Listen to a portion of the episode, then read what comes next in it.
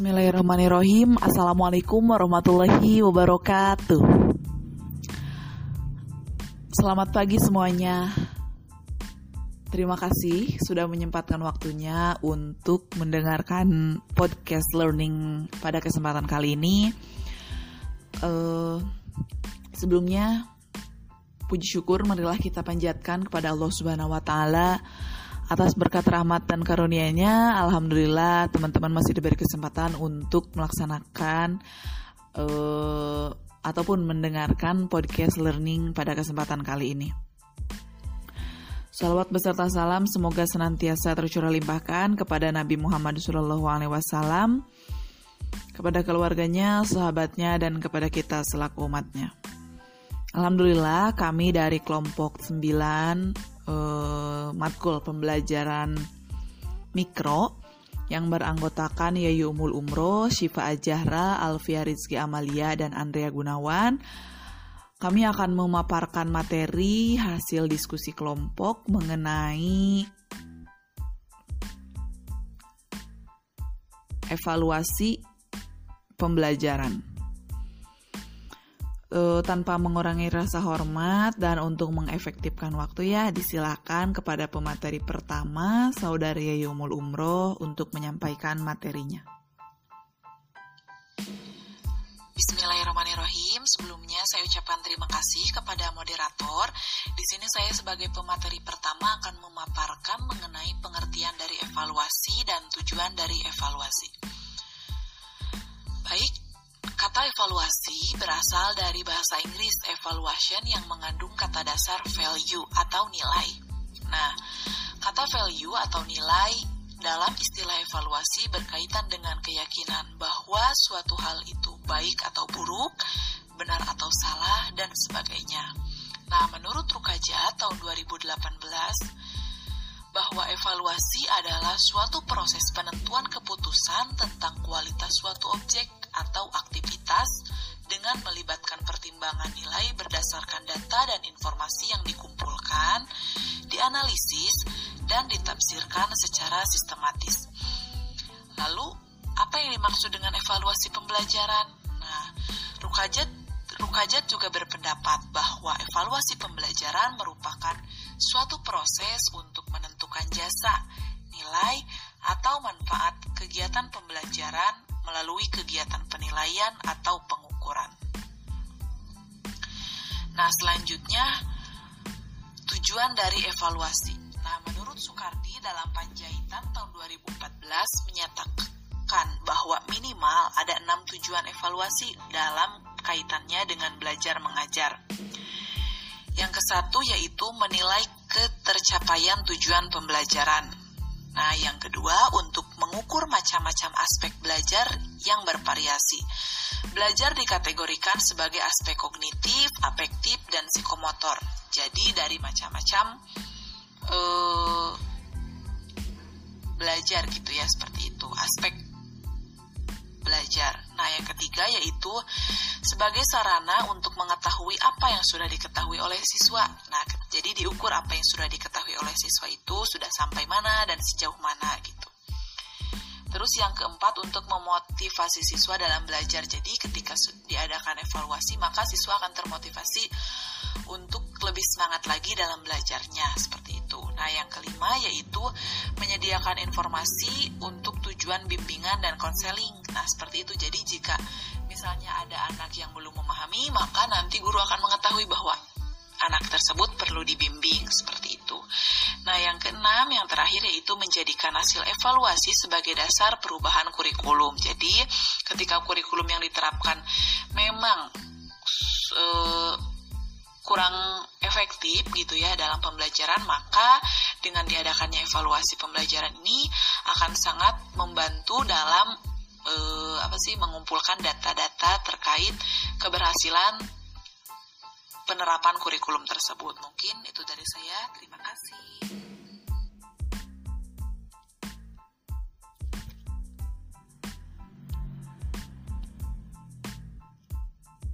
Baik, terima kasih kepada moderator. Di sini saya akan sedikit menyampaikan materi tentang fungsi evaluasi pembelajaran dan prinsip-prinsip evaluasi pembelajaran. Yang pertama ada fungsi evaluasi pembelajaran menurut Arifin 2014 yang menyatakan bahwa sebagai upaya perbaikan dan pengembangan sistem pembelajaran dan sebagai dasar akreditasi lembaga pendidikan. Pada poin pertama, sebagaimana kita ketahui bahwa pembelajaran sebagai suatu sistem yang memiliki berbagai komponen seperti tujuan mat tujuan, materi, metode, media, sumber belajar, lingkungan, guru, dan peserta didik. Dengan itu, perbaikan dan perkembangan pembelajaran bukan hanya terhadap proses dan hasil belajar, diarahkan pada semua komponen pembelajaran tersebut. Selanjutnya, poin yang kedua sebagai dasar akreditasi lembaga pendidikan. Dengan adanya akreditasi membuktikan bahwa sekolah tersebut bagus dalam melakukan evaluasi pembelajaran. Selanjutnya, menurut Ari Kunto tahun 2013 yang menyatakan eh, yang pertama penilaian berfungsi selektif. Artinya, dengan melakukan penilaian, guru mempunyai cara untuk mengadakan seleksi terhadap siswa. Yang kedua, penilaian berfungsi diagnostik. Artinya, apabila ada alat yang digunakan dalam penilaian cukup memenuhi persyaratan, maka dengan melihat hasilnya, guru akan mengetahui kelemahan siswa. Di samping itu, dapat diketahui penyebabnya kenapa. Dengan melakukan penilaian dengan melakukan penilaian, sebenarnya guru telah melakukan diagnosis dengan kepala sekolah tentang kebaikan dan kelemahannya. Dengan cara ini, maka akan dapat mengetahui cara mengatasinya. Selanjutnya, poin yang ketiga, penilaian berfungsi sebagai penempatan. Nah, pada pendekatan ini lebih bersifat melayani perbedaan kemampuan pengajaran secara kelompok untuk dapat menentukan dan dengan pasti dikelompokkan mana man, dikelompokkan mana seorang siswa yang harus ditempatkan dan e, mana sekelompok siswa yang mempunyai hasil penilaian yang sama maka akan ada dalam kelompok yang sama pula dalam belajar Selanjutnya yang terakhir ada penilaian berfungsi sebagai pengukuran keberhasilan, yaitu dapat mengetahui sejauh mana suatu program keberhasilan yang telah diterapkan. Selanjutnya ada prinsip-prinsip evaluasi pembelajaran. Yang pertama ada kontinuitas, yaitu evaluasi harus dilakukan secara kontinu. Artinya hasil yang diperoleh pada suatu waktu harus dapat dihubungkan dengan hasil pada waktu sebelumnya, sehingga dapat diperoleh gambaran yang jelas dan berarti tentang pengembangan peserta didik. Nah, pada perkembangan peserta didik tidak dapat dilihat dari dimensi produk saja, tetapi juga dilihat dari dimensi proses. Yang kedua ada komprehensif, yaitu guru harus mengambil seluruh objek. Contohnya objek evaluasi itu adalah peserta didik, maka seluruh aspek kepribadian peserta didik itu harus dievaluasi dan menyangkut dengan kognitif, afektif maupun psikomotor. Selanjutnya yang ketiga ada adil dan objektif yaitu dalam melaksanakan evaluasi guru harus berperilaku adil dan objektif. Artinya semua peserta didik harus dilakukan e, diperlakukan sama. Guru hendaknya harus bertindak secara apa adanya sesuai dengan kemampuan peserta didik. Sikap suka dan tidak suka, perasaan perasaan, keinginan, dan prasangka harus dijauhkan, karena evaluasi harus didasarkan atas kenyataan, bukan untuk memanipulasi dan re ataupun rekayasa. Selanjutnya, poin yang keempat ada kooperatif, e, yaitu guru harus bekerja sama dengan semua pihak. Contohnya seperti orang tua peserta didik, sesama guru, kepala sekolah, termasuk dengan peserta didik itu sendiri, e, agar agar semua pihak tersebut merasa puas dengan hasil evaluasi dan pihak tersebut merasa dihargai. Yang terakhir ada praktis, e, artinya harus mudah digunakan. Nah, praktis berarti mudah digunakan, baik oleh guru itu sendiri yang menyusun alat evaluasi maupun e, oleh orang lain yang menggunakan alat tersebut. Untuk itu harus diperhatikan bahasa dan petunjuk dalam mengerjakan soal. Mungkin itu saja yang dapat saya sampaikan. Saya kembalikan kepada moderator. Bismillahirrahmanirrahim. Assalamualaikum warahmatullahi wabarakatuh.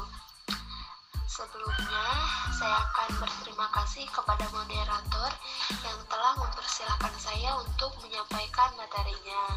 Nah, di sini saya akan uh, membahas tentang kriteria evaluasi pembelajaran. Menurut Rohajat 2018 menyatakan bahwa kriteria evaluasi pembelajaran adalah sebagai berikut. Yang ke satu, memiliki validitas. Validitas ada validitas artinya penilaian harus benar-benar mengukur apa yang hendak diukur. Misalnya, barometer adalah alat pengukur tekanan udara dan tidak Demikian pula, suatu tes memiliki suatu validitas bila tes itu benar-benar mengukur mengukur hal yang hendak dites. Yang kedua, ada objektivitas. Suatu alat evaluasi harus benar-benar mengukur apa yang diukur tanpa adanya interferensi yang tidak ada hubungannya dengan alat evaluasi itu. Jadi,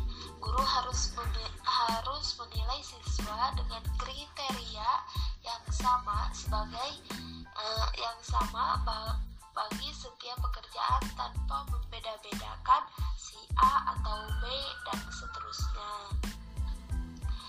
Objektivitas dalam penilaian sering diperlukan dalam menggunakan kuesioner, essay test, observation, rating scale, checklist, dan alat-alat lainnya. Selanjutnya ada efisiensi. Suatu alat evaluasi sedapat mungkin dipergunakan tanpa membuang waktu dan uang yang banyak. Ini tidak berarti bahwa evaluasi yang memakan waktu, usaha, dan uang sedikit dianggap alat evaluasi yang baik. Hal ini tergantung pada tujuan penggunaan alat evaluasi dan banyaknya siswa yang dinilai dan sebagainya. Selanjutnya, ada ekonomis. Suatu alat evaluasi sedapat mungkin dipergunakan tanpa membuang waktu, dana, tenaga, serta sarana dan prasarana penunjang. Ini tidak berarti bahwa yang memakan waktu, usaha, dan uang sedikit dianggap alat evaluasi yang baik. Ada norma. Dalam hal ini, norma diartikan sebagai patokan kriteria atau ukuran yang digunakan untuk menentukan dalam dalam mengambil keputusan. Dengan adanya norma penilaian, guru guru dapat membandingkan hasil tes dari peserta didik dengan populasi yang lebih besar. Selanjutnya ada direction. Dalam hal ini, diartikan memiliki petunjuk pelaksanaan yang dibakukan, sehingga siapa pun yang melaksanakannya, pelaksanaan akan sama. Petunjuk pelaksanaan tes menggunakan tata kalimat yang mudah dipahami. Selanjutnya ada interest untuk mendapatkan data yang cermat dan sesungguhnya dari unjuk kerja peserta didik. Tes harus menarik dan memberikan tantangan sehingga peserta didik termotivasi. Tes yang tidak menarik akan membuat peserta didik bosan dan merasa tes tersebut sulit untuk dilakukan. Siswa dapat memperhatikan kemampuan yang sesungguhnya dan siswa tidak akan melakukan tes secara optimal. Jadi interest ini untuk memberikan uh, memberikan tantangan sehingga peserta didik termotivasi. Mungkin sekian dari saya. Mohon maaf bila ada kekurangan. Wassalamualaikum warahmatullahi wabarakatuh. Baik, di sini saya akan menjelaskan langkah-langkah evaluasi. Menurut Rukajat, tahun 2018 menyatakan langkah-langkah evaluasi adalah sebagai berikut. pertama yaitu menentukan evaluasi pembelajaran. Di sini guru menentukan jenis evaluasi pembelajaran apa yang akan dilakukan atau diberi, diberikan kepada siswa. Yang kedua, penyusunan kisi-kisi soal. Yang ketiga, telah atau revisi dan review soal.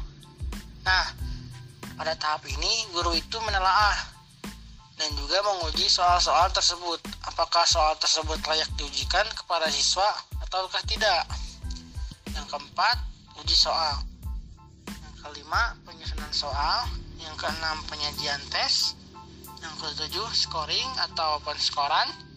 Yang kedelapan, pengolahan hasil tes. Yang kesembilan, laporan hasil tes. Dan yang terakhir, yang kesepuluh, pemanfaatan hasil tes. Nah, pada tahapan ini, guru menggunakan hasil tes tersebut untuk memprediksi atau menentukan tingkat kemampuan siswa dan menentukan menentukan langkah apa yang dilakukan terhadap siswa nantinya. Mungkin itu saja dari saya. Sekian dan terima kasih. Baik, terima kasih kepada seluruh uh, pemateri yang telah memaparkan materinya dengan sangat baik. Uh, Alhamdulillahirabbil alamin. Mungkin untuk podcast learning kali ini dicukupkan sekian. Uh, nantikan podcast learning selanjutnya ya. Terima kasih. Wassalamualaikum warahmatullahi wabarakatuh.